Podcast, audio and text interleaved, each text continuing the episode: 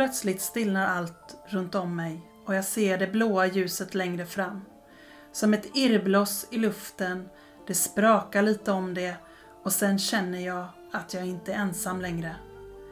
Det är någon annan här som materialiserar sig framför mina ögon och jag håller andan för jag är inte beredd att möta andevärlden nu när jag är fylld av skräck och panik djupt i underjorden.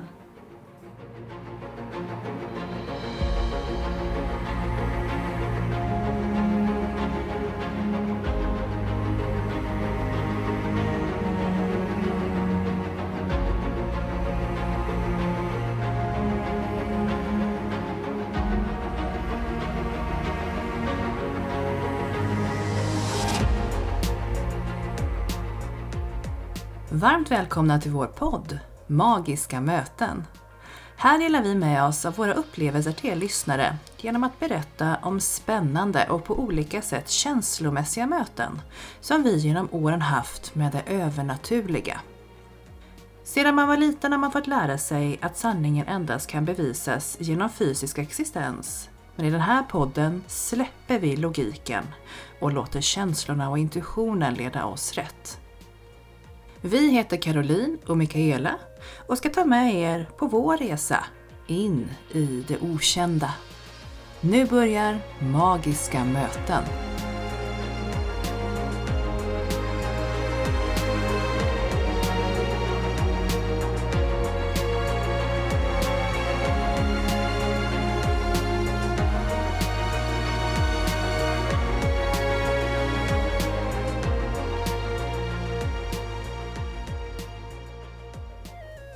Hej alla lyssnare och varmt välkomna tillbaka till podden Magiska möten. Idag är det dags att starta igång vår andra säsong. Det har hunnit bli 2022 och vi tänker oss en relativt lång vårsäsong. Så att en sån där 10-15 avsnitt i alla fall hoppas jag att kunna bjuda på under våren. Det ska bli så härligt. Vi är riktigt taggade på att få sätta igång och få dela med oss av vår resa in i det okända både Caroline som ska börja sin, sin andliga resa, eller har börjat sin andliga resa, och ska dela med sig en hel del spännande saker därifrån. Mm. Och jag fortsätter att dela med mig utav mitt eh, långa livs andliga resa till er. Ja, och eh, för er som har hunnit lyssna igenom hela säsong ett så har vi bjudit på väldigt många olika saker. Andlighet står ju för väldigt mycket. Eh, och man har fått lära känna oss lite grann och var vi står eh, längs den här andliga vägen och vad vi eh, har upplevt. Och ni kommer och, som vanligt att få bli bjudna på fler upplevelser, härliga stories och berättelser och eh, såklart förhoppningsvis få lära er lite mer om olika andliga saker. Absolut. Och den här säsongen tänker vi ju också ta oss in på lite nya vägar som vi inte än har vandrat på. Så att eh, håll i hatten för nu eh, kör vi. Säsong två. Och dagens avsnitt till ära så ska vi faktiskt börja med att ta oss ner till underjorden och till Mikaelas upplevelse som ung när hon besökte en gruva. Ja, och det är ju väldigt länge sedan. Men eh, jag minns vissa händelser som om det var igår, för vissa saker det glömmer man aldrig. Och det blir liksom till lärdomar för livet.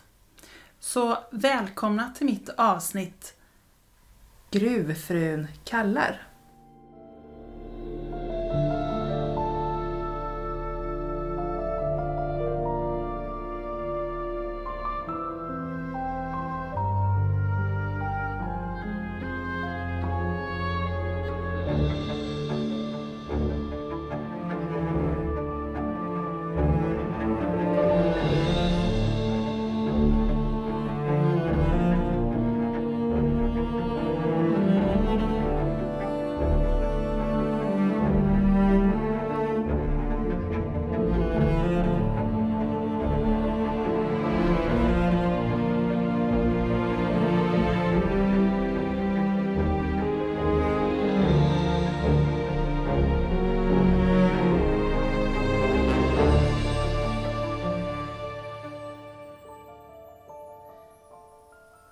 I tonåren och på väg på en efterlängtad klassresa.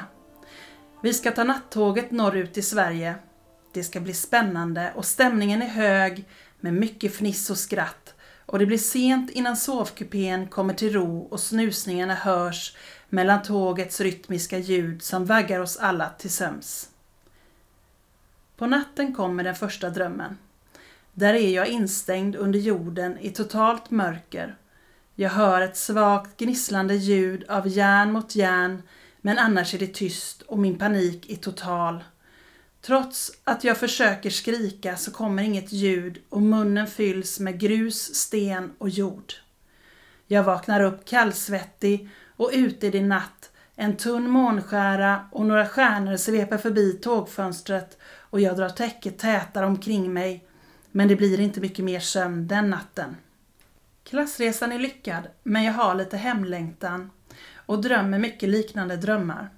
Ibland drömmer jag att jag springer i trånga gångar, jagad som av något osynligt som jag inte kan se, men skräcken är total och jag vaknar rädd och ledsen.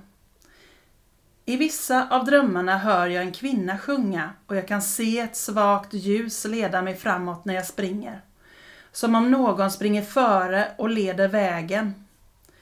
Allt eftersom dagarna går så finner jag mig mer till rätta och den värsta hemlängtan avtar och äventyret genomsyrar mina dagar.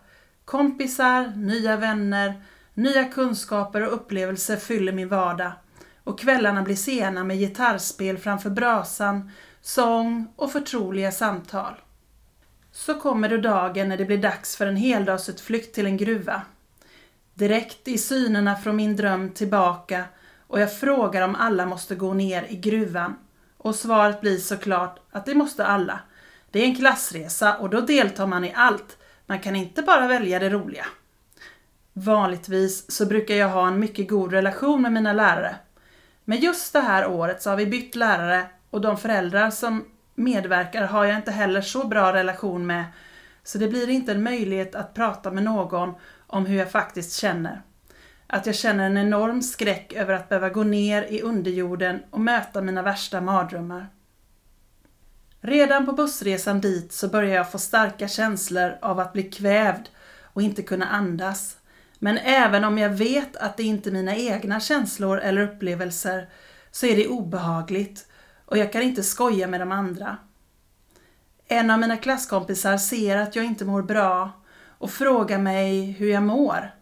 Tydligen är jag blek och ser ut att frysa. Vilket är precis som jag känner. Men jag svarar att jag tycker att det är obehagligt med gruvan och hon säger att vi ska gå tillsammans och jag kan få lov att hålla henne i handen om jag vill. Jag tackar ja till hennes generösa erbjudande och känner mig tacksam för att det finns änglar på jorden som ser och hör oss när vi behöver stöd. Den här perioden av mitt liv, tonåring med allt vad det innebär, så vägrar jag att prata med min guide. Jag tycker inte riktigt att jag får stöd med min gåva så som jag vill. Så jag frågar inte ens om hjälp utan tänker att jag ska klara detta själv. Och stundtals i livet så är jag ganska övertygad om att jag nog är lite tokig som har alla upplevelser. Och min enda önskan i detta nu är att jag ska vara vanlig. Precis som alla andra. Utan gåvor och syner. Därför så blir jag extra tacksam för hennes generositet för att jag vet att jag går ner i gruvan ensam utan uppbackning av mitt vanliga team. Då är det fint att ha en vän i världen. Vi stiger av bussen och en person tar emot oss och ger oss hjälmar med belysning på och vi blir uppdelade i mindre grupper. Vi får en kort presentation av gruvan innan vi ska ta hissen ner genom schaktet och väggarna är fuktiga och mörka och trots ett svagt ljus som lyser i den öppna hissen så är det ett kompakt mörker runt om oss och våra små lampor på hjälmarna lyser endast några meter framåt. Plötsligt stannar hissen halvvägs ner med en smäll och allt utom våra små lampor blir svart som om all elektricitet försvunnit. Mannen som visar oss runt ser stressad ut. Det här brukar inte hända. Vi hänger uppe i luften halvvägs ner i gruvan och de flesta blir stressade och tycker att det är obehagligt. Plötsligt ser jag ett ljus där nere i mörkret, ett blått sken som rör sig. Då blir det väldigt tydligt för mig att jag kommer uppleva något annorlunda här. Och lika plötsligt som hissen stannat så startar den igen och alla lampor tänds och vi fortsätter färden neråt. Väl nere möts jag av tystnaden. En känsla av vakuum som jag kan få när det finns många andar i närheten som inte riktigt vill visa sig. Jag tar min väns hand och vi vandrar runt i den skumt upplysta gruvan och får till oss information om gruvans olika historiska begivenheter. Innan vi åkte ner fick vi tydliga instruktioner om att hålla ihop i vår grupp och inte gå in i andra schakt eller gångar på grund utav rasrisken. Men jag släpper min väns hand för att knyta mitt skosnöre och då händer det igen. Ljuset blinkar till, det blir mörkt och vad som sedan händer har jag ingen riktig förklaring till. Men när ljuset blinkar till igen så är jag ensam. Jag hör de andras röster lite längre bort och börjar gå mot ljudet. Men någonstans så tar jag fel väg och paniken börjar komma krypande. Det blinkar i ljuset flera gånger och även om det inte slocknar helt så skrämmer det mig. Till slut tar paniken över och tårarna kommer och jag sjunker ner mot en klippvägg och gråter av rädsla och panik. Att vara ensam under jorden och aldrig komma upp i ljuset igen skrämmer mig över allt annat. Hjälmen glider av mig och ligger framför mina fötter och kastar en smal ljusstråle längs gruvgången. Plötsligt stillnar allt runt omkring mig och jag ser det blåa ljuset längre fram, som ett irrbloss i luften. Det sprakar lite om det och sedan känner jag att jag inte är ensam längre. Det är någon annan här som håller på att materialisera sig framför mina ögon och jag håller andan, för jag är inte beredd att möta andevärlden nu när jag är fylld av skräck och panik djupt nere i underjorden. Jag känner plötsligt hur väggen skakar bakom mig och jag blir tvungen till att ta ett andetag. Då förstår jag att det är jag som skakar och jag kryper ihop mer där jag sitter. Framför mig står plötsligt en pojke i slita smutsiga kläder Hans ansikte är brunt av smuts och ögonen lyser ur det mörka ansiktet. Först stirrar han på mig. Förvånad och lite chockad. Men sedan hör jag att han ropar. Ni måste komma! Det sitter en piga i gruvan! Jag hör hur ett svagt hamrande upphör och gnisslet från en vagn stannar och steg kommer springande mot oss och jag blir paralyserad. Vad händer nu? Kommer det komma en hel spökinvasion? Hjärtat hamrar i halsgropen och två till skuggor närmar sig och när de är helt nära så ser jag att de är unga. Den ena är nog inte mer än i tidiga skolåldern och den andra kanske är strax över min egen ålder. De är lika smutsiga med trasiga kläder som den första pojken och de stirrar lika förvånat på mig som jag på dem. Men jösses, hur hamnar du här? säger den äldsta av dem. Den första pojken frågar om jag har gjort illa mig och deras vänliga frågor gör mig lite lugnare så jag samlar mig mellan gråtattacken och säger det första som kommer fram. Jag är så rädd. Den yngsta pojken närmar sig. Inte ska du vara rädd. Jag heter Nils. Han sträcker fram en smutsig liten hand och bockar fint. Jag tar hans kalla hand i min och han ler lite mot mig. Det här är Axel och Johan. Han pekar på de andra två som fortfarande stirrar på mig. Sakta, sakta släpper skräcken sitt grepp om mig och gråten stillnar helt. Jag är vilse och här är så mörkt. Det känns som att jag aldrig kommer hitta ut igen. Pojkarna tittar medlidsamt på mig och jag känner mig ens dum. Precis så här var det nog för dem, men ingen av dem säger något utan ler uppmuntrande mot mig och frågar om de kan hjälpa mig, för inte ska du behöva sitta här och gråta. Jag kommer mig upp på fötter och de lovar att visa mig vägen till ingången. Nils håller sin hand i min när vi går genom gruvan och de berättar anekdoter om gruvan, varandra och sina liv. Hela tiden ser vi det blåaktiga skenet. Och om vi stannar till så stannar även det. Till slut frågar jag om det. Och Johan berättar att det är gruvfruns ande som vi ser. Och som hjälper till om man hamnar i nöd i gruvan. Vi såg henne med innan raset men vi hann ju inte ut, säger han sorgset och med ens blir luften tung att andas. Och jag känner ett hårt tryck mot hela min kropp som om jag blir krossad av jord och sten. Jag stapplar till av upplevelsen och Nils tittar på mig.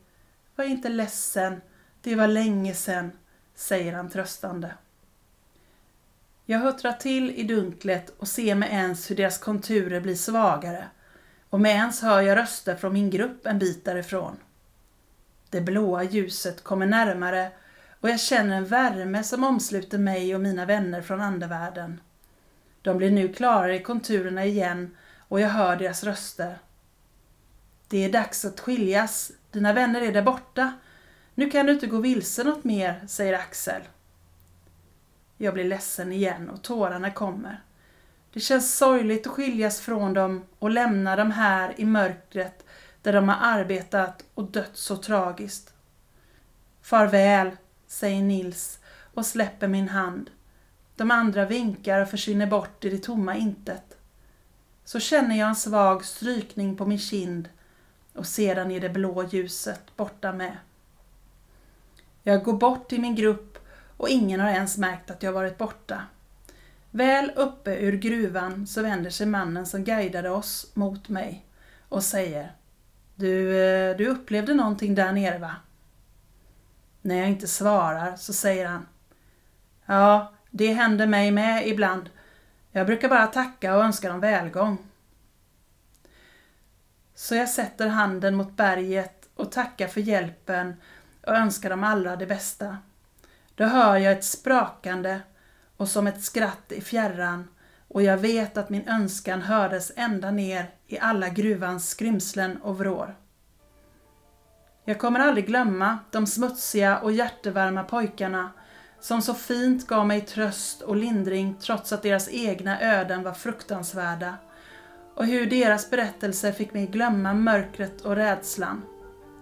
Jag kommer heller aldrig glömma gruvfrun, hennes blåa ljus som en ledstjärna genom den kalla gruvans gångar.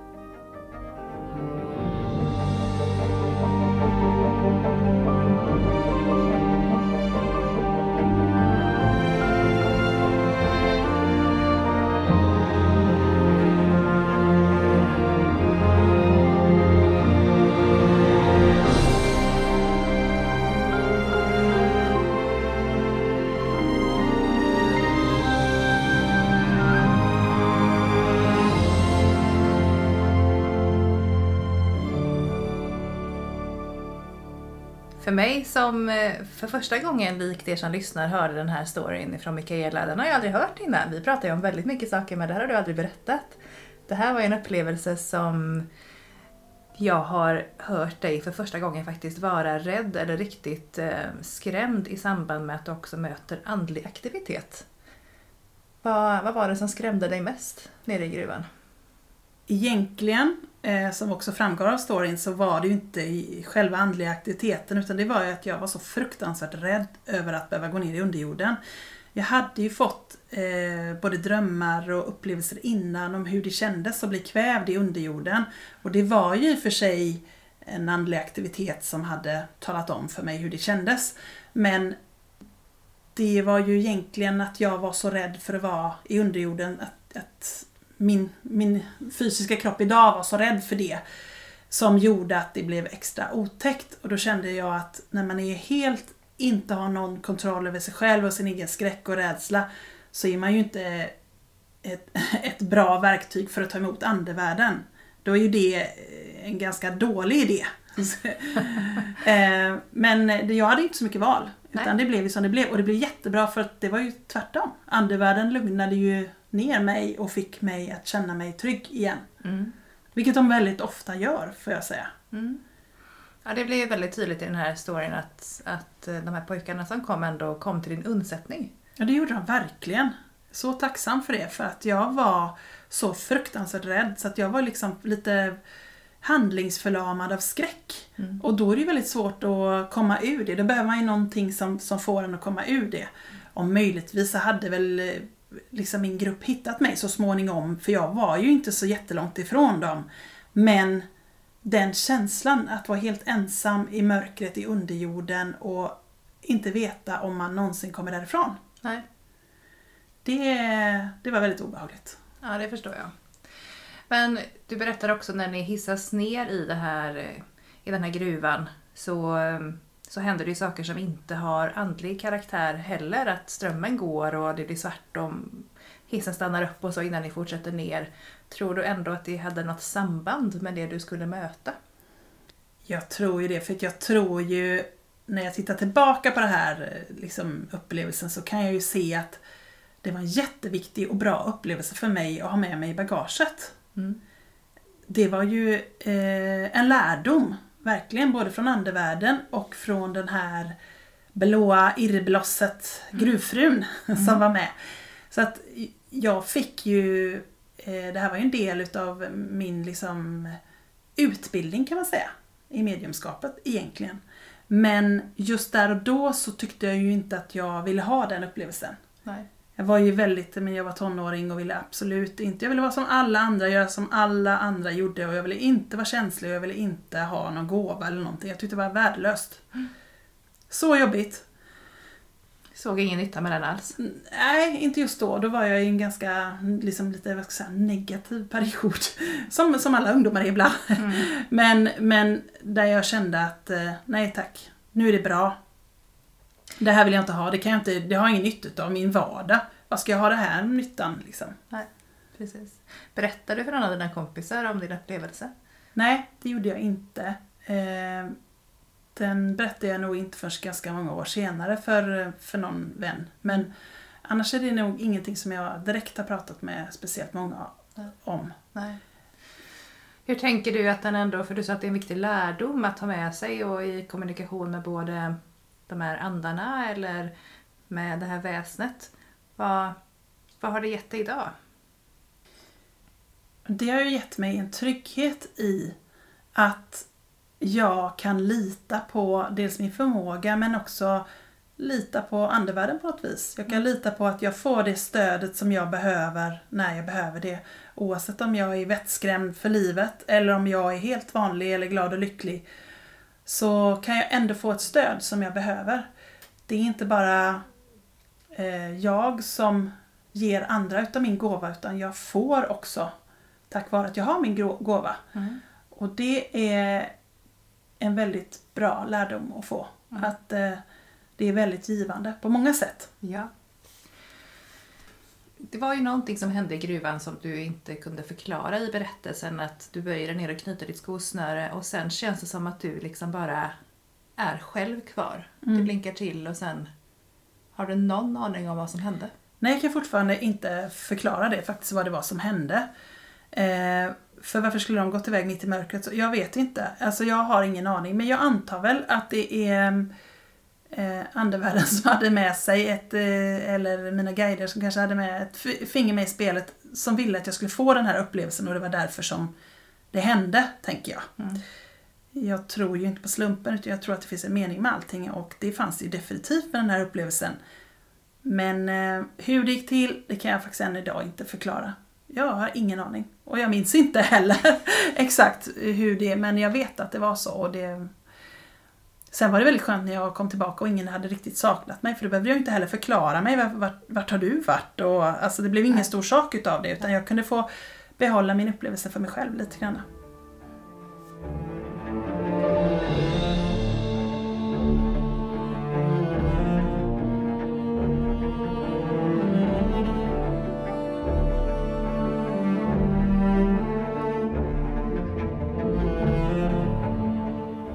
Sa ju i intron här att vi skulle börja att trampa på lite outforskade stigar som vi inte hittills har lyft i podden. I min värld så är ju det här med väsen och också det som du beskriver som det här blåljusfenomenet och också benämner med gruvfrun ett väsen som kanske inte är det vanligaste att man stöter på. Vad är det för skillnad på till exempel de här andarna och möta andevärlden jämfört med att möta ett väsen? Det skulle jag säga är en ganska stor skillnad, både rent energimässigt hur det känns och sen också när vi pratar andevärlden så är det ju människor som har gått över till andra sidan och som är i andevärlden för att gå i skola som man gör under tiden mellan sina liv eller så. Så att det är ju oftast någon som vi kanske känner eller vet om eller kan förstå eller så. Men ett väsen är ju mer en, som en naturkraft skulle jag säga. Det är ju mer en, man brukar kalla det för entiteter och vi här i Sverige säger väsen oftast. Men det är ju en, en urkraft som finns som, som är på något sätt uråldrig. Som vi inte riktigt eh, kan rå på, eller man ska säga. Som inte är så lätt att eh, kanske inte alltid är så lätt att eh, jobba med. Jag tänker att många av de här eh, olika mm, historierna från förr, när folk träffar skogsrå, och de träffar älvor och vättar och allt vad de träffar. Eh, talar ju också om att de är lite listiga och lite svåra och gör lite som de vill och så. Och jag tänker att lite den känslan finns det runt väsen, att de, eh, de har en liten egen agenda. Mm. Medan jag upplever att andevärlden kommer ju hit för att träffa sina nära och kära eller de som de, de vill förmedla något liksom så. Det är ändå människosjälar så. Här är ju mer bergets ande skulle jag säga, eller bergets mm. liksom, beskyddare. Mm. Och den gör ju det som är bäst för naturen. Liksom. Yeah. Vi inkräktar ju ändå ofta på naturen. Så därför så kan man ju förstå varför olika väsen är lite småsura ibland. Mm. På människor tänker På människor. ja. För vi förstör ju ganska mycket och eh, det är klart att då, det påverkar ju dem. De har ju funnits där så långt före oss. Vi är ju bara en liten del av historien. När du var i gruvan och mötte det här blåa skedet, visste du då vad det var? Nej, det visste jag ju inte. Och det var ju därför jag frågade de här pojkarna då i, i berättelsen om vad är det där egentligen? Mm. För, att, för att jag märkte ju att de också upplevde det. Och jag tänkte att om de från andra sidan upplever det och jag upplever det så måste det ju vara någonting som är som går igenom två världar utan, mm. utan att, ehm, och då måste det vara något speciellt. Men det kändes ändå, du sa att eh, man inkräktade lite grann på naturen och man kan tänka att den här gruvfrun, eller blåa skenet, ändå symboliserade bergets ande på något vis. Eh, och att när man inkräktar i berget, som man då uppenbarligen har gjort som människa, mm. genom att hugga sig ner i en stor gruva. Mm. Det kändes ändå som att det här väsendet ville hjälpa dig och vara en positiv kraft. Absolut, och jag tänker att jag hade ju inte heller, det var inte jag som hade förstört eller stört. Men, men de som, liksom historierna kring gruvfrun eller gruvrå är ju att hon är en gruvans beskyddare. Och att hon eh, faktiskt hjälper dem som kommer vilse i gruvan. Så att hon är ju en vänlig själ. Men eh, det finns ju också många historier som berättar att gruvfrun, eh, när de hittar olika fyndigheter och sånt, att de inte hittar tillbaka till dem igen för att hon leder dem på villovägar för hon tycker att eh, det hör till berget. Mm. Man ska inte ta för mycket från berget. Men eh, många upplever ju henne som liksom en vägvisare i mörkret också. Och också många gånger att hon före, liksom, förebår varslar om olika saker som kan hända liksom, mm. i gruvan. Och de, de flesta som beskriver henne beskriver henne oftast inte så som jag gjorde som ett, som ett blått irrbloss utan de beskriver ju henne som en, som en kvinna i grå klänning. Ganska vacker kvinna. Men många säger också då att när hon väl kommer med ett dödsbud så har hon svart klänning på sig. Så att förr i världen så var man ju väldigt uppmärksam på de här sakerna, tänker jag. Så att om någon hade sett gruvfrun med svarta kläder, då visste de att någon dag, några av de kommande dagarna kommer någon dö nere i gruvan. Och det var ju så lite allmänt känt. Mm. Så att eh, jag tänker att hon eh, ändå på något sätt beskyddar oss människor så gott som hon kan. Mm. Hur ofta i ditt andliga liv har du mött på olika typer av väsen? Likt det här gruvråt eller gruvfrun? Jag ska inte säga att det är det vanligaste som, som, som man gör. Och det beror också kanske på vilken inriktning man har tagit. Min inriktning har ju mycket handlat om andra delar. Men jag vet att sådana som håller på med shamanism och, och magi och sånt, de är mycket närmare naturen och naturväsen och den delen. Men absolut har jag träffat på det fler, flertalet gånger i olika sammanhang. Men eh, det är inte det vanligaste jag gör, absolut inte.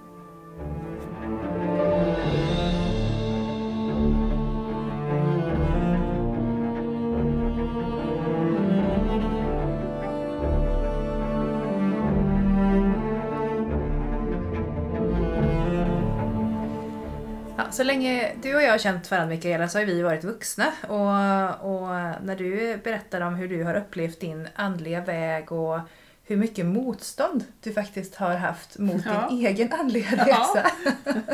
Både i den här eh, berättelsen om gruvfrun och, och um, pojkarna eh, där nere i gruvan men också sen innan liksom att du har stängt ner det här eller verkligen jobbat emot din gåva i perioder av olika anledningar. Här var det väl kanske för att man var tonåring och precis som du beskriver, var Ja. nog att man skulle vara som alla andra och jag vill inte och nej, Nej. tack. Ja.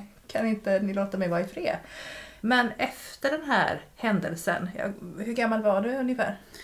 Ja, jag var någonstans 15 års ålder, typ ungefär där. Ja. Eh, jag vet inte exakt faktiskt, men någonstans där. Mm. Om det var 8 nian eller Mm. ettan på, alltså någonstans där, ettan på gymnasiet kanske. Ja. Ja. Någonstans där var jag. Vad har hänt sen då? För jag tänker att även om det har varit en lång resa för dig och du har stängt ner och av och sådär lite i perioder där du har känt att du inte riktigt vill.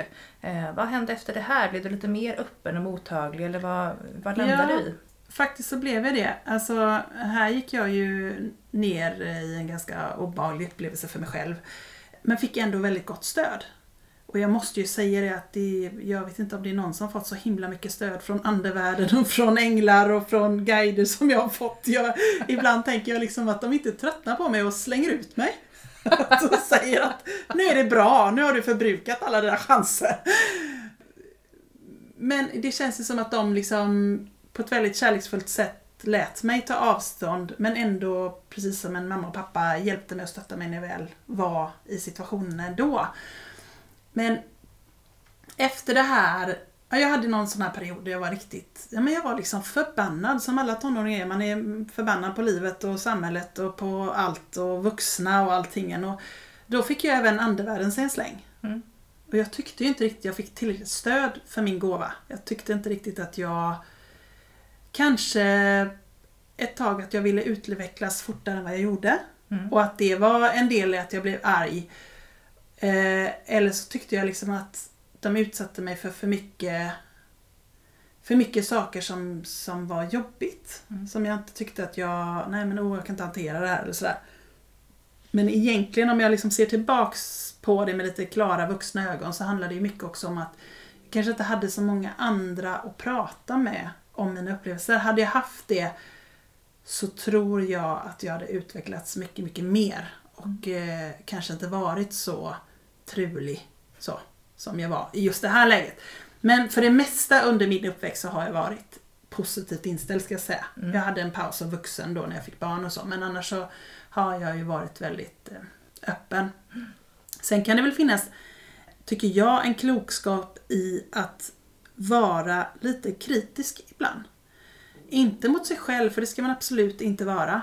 Men mot att man inte sväljer allt med hull och hår. Jag vet ju liksom ibland när man kan komma ut på besök till någon som har problem med sitt hem. Att eh, minsta lilla knarrande dörr eller, eller eh, vinddrag kan ses som att åh, det är massa spöken här. Men, ja, men om du spärjer dörren så knarrar den inte så mycket och om du stänger fönstret kommer det inte vara ett vinddrag. Så att ibland måste man ju också ha den logiska tänkande sidan i ehm, vad man gör så att inte allting blir liksom en eh, andlig upplevelse. Så man måste ju verkligen stå med fötterna på jorden ordentligt. Mm. Eh, och det är ibland, när man är i början av sin resa så som du är, så kan man ibland sväva iväg och känna att allting är en andlig upplevelse. Men ibland måste man vara lite förnuftig och eh, tänka lite logiskt först och sen kan man koppla på och se vad finns här och så. Mm. Så att jag tänker att alla de här upplevelserna jag har haft har också lärt mig väldigt mycket både om mig själv och om de här världarna som jag får förmånen att besöka. Mm. Ja men verkligen. Och det är kul att du säger det att, att man ibland blir sådär eh, när man börjar öppna upp för den här världen och tänka att allt, allt, allt, överallt och hela tiden har någon andlig koppling mm. eller kontakt med andevärlden eller andra dimensioner och så blir man sådär lite på helspänn. Eh, men, men å andra sidan kan jag ju uppleva att det är nästan svårare åt andra hållet att lägga ifrån sig den logiska hjärnan för att lita mer på sin känsla, sitt hjärta och sin intuition. Eh, och det är klart att det gäller att hitta en balansgång däremellan. Man kan Verkligen. inte köra ena eller andra spåret bara. Eh, men, men det är jätteklokt som du säger att man ska inte bara tro på allt. Man behöver eh, skaffa sig en egen uppfattning och framförallt så behöver man eh, lära sig och hitta vägar i hur man läser av eller hur man får till sig saker och vad de står för. Eh, men, men jag kan ju tycka att den största utmaningen är ju att liksom släppa hjärnan och jobba med hjärtat eller känslan. Mm. Och det är ju det som nästan alla har bekymmer med och därför så brukar jag ju säga som när vi har cirklar eller kurser eller så brukar jag säga att men lägg hjärnan vid dörren. Alltså lägg den logiska delen där för nu ska vi bara jobba med hjärtat och med intuitionen. Och då är det ganska skönt att lägga den åt sidan en stund. Mm. Men sen när man kommer ut i vardagen och verkligheten så är det också viktigt att man har en fot i, stabilt i myllan, liksom i jorden och i, i verkligheten. Man inte svävar iväg. För man ska också veta att gränsen mellan andliga upplevelser och att vara eh, mentalt i obalans totalt, den är väldigt hårfin. Mm. Så att därför är det också viktigt att de som, som är medier och som, som jobbar med det här hela tiden eh, har koll på sina kunder eller, eller de som kommer på kurs och så. Att de mår så pass okej okay så att de kan göra de här sakerna. För man får ju ändå det, det, finns ju människor som kommer in på mentalsjukhuset som säger att de ser andar och de är besatta av demoner och alla möjliga saker. När de egentligen mår väldigt psykiskt dåligt. Mm.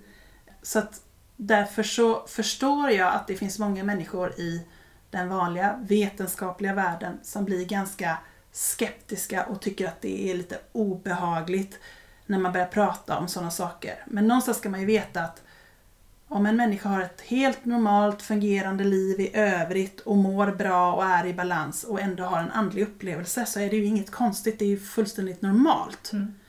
Eh, men när man inte får någonting i livet att fungera och man mår väldigt dåligt och har massa suspekta upplevelser, då behöver man ju söka hjälp. Så därför så är det ju väldigt viktigt att den som, som, som är medium, att den, den verkligen är i balans själv. Och jag tror att är man inte det så behöver man ta ett steg tillbaka och ha en liten paus tills man är på, i balans själv. Eh, och jag kan ju känna att under mina tonåring så, så var jag inte alltid i balans. Nej. eh, och då var det väl nog så bra att jag hade de upplevelserna för mig själv och inte jobbade aktivt med andra människor. Mm. Men eh, så är det ju.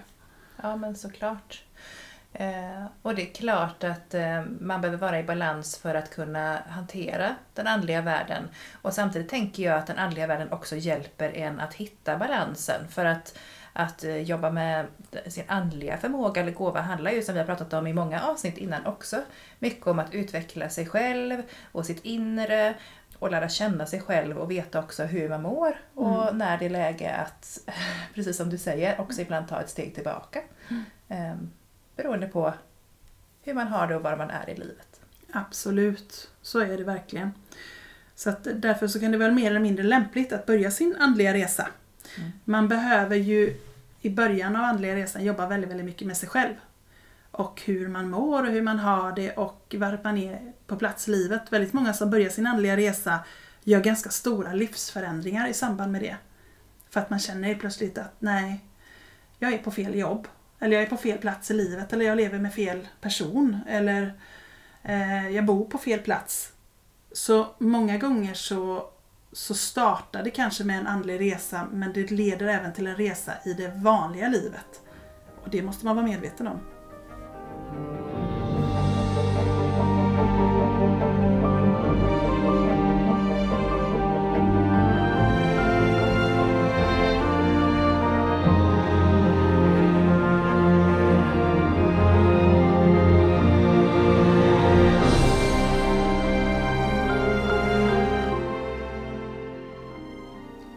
Som vanligt Mikaela, när du delar med dig av upplevelser så tycker i alla fall jag att det är superspännande. Jag sitter på helspänn och lyssnar för vi brukar ju inte knappt veta vad den andra ska dela med sig av för story innan vi sitter här i poddstudion.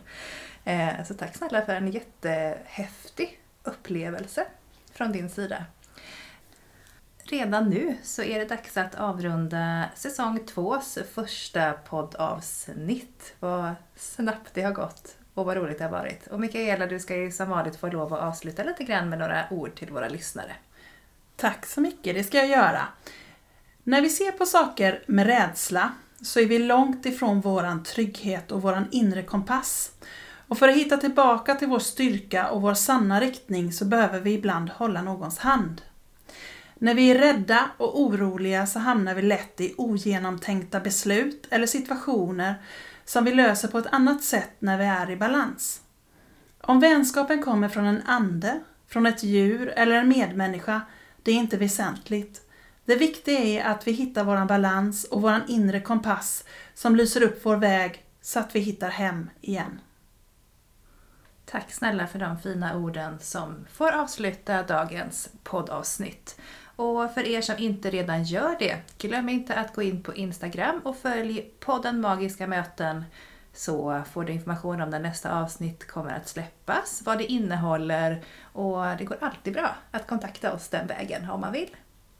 Skriv gärna någon rad. Det är väldigt trevligt om ni gör det. Om avsnittet, vad ni har tyckt eller om ni har egna upplevelser som ni vill dela med er av. För det hade varit kul att få höra. Verkligen. Och är det någon av er som lyssnar nu som dessutom är intresserad av att eh, lära sig mer och kanske till och med gå eh, en första del i en mediumutbildning eller bara för sin egen mediala utvecklings skull så finns det Mikaelas tjänster presenterade på Facebook och eh, det är lite kurser aktuella just nu. Surfa in på Facebook-sidan Magiska möten för att ta del av Mikaelas olika kurser och eh, utbildningar framåt här under våren. Och i och med detta så säger vi tack för idag.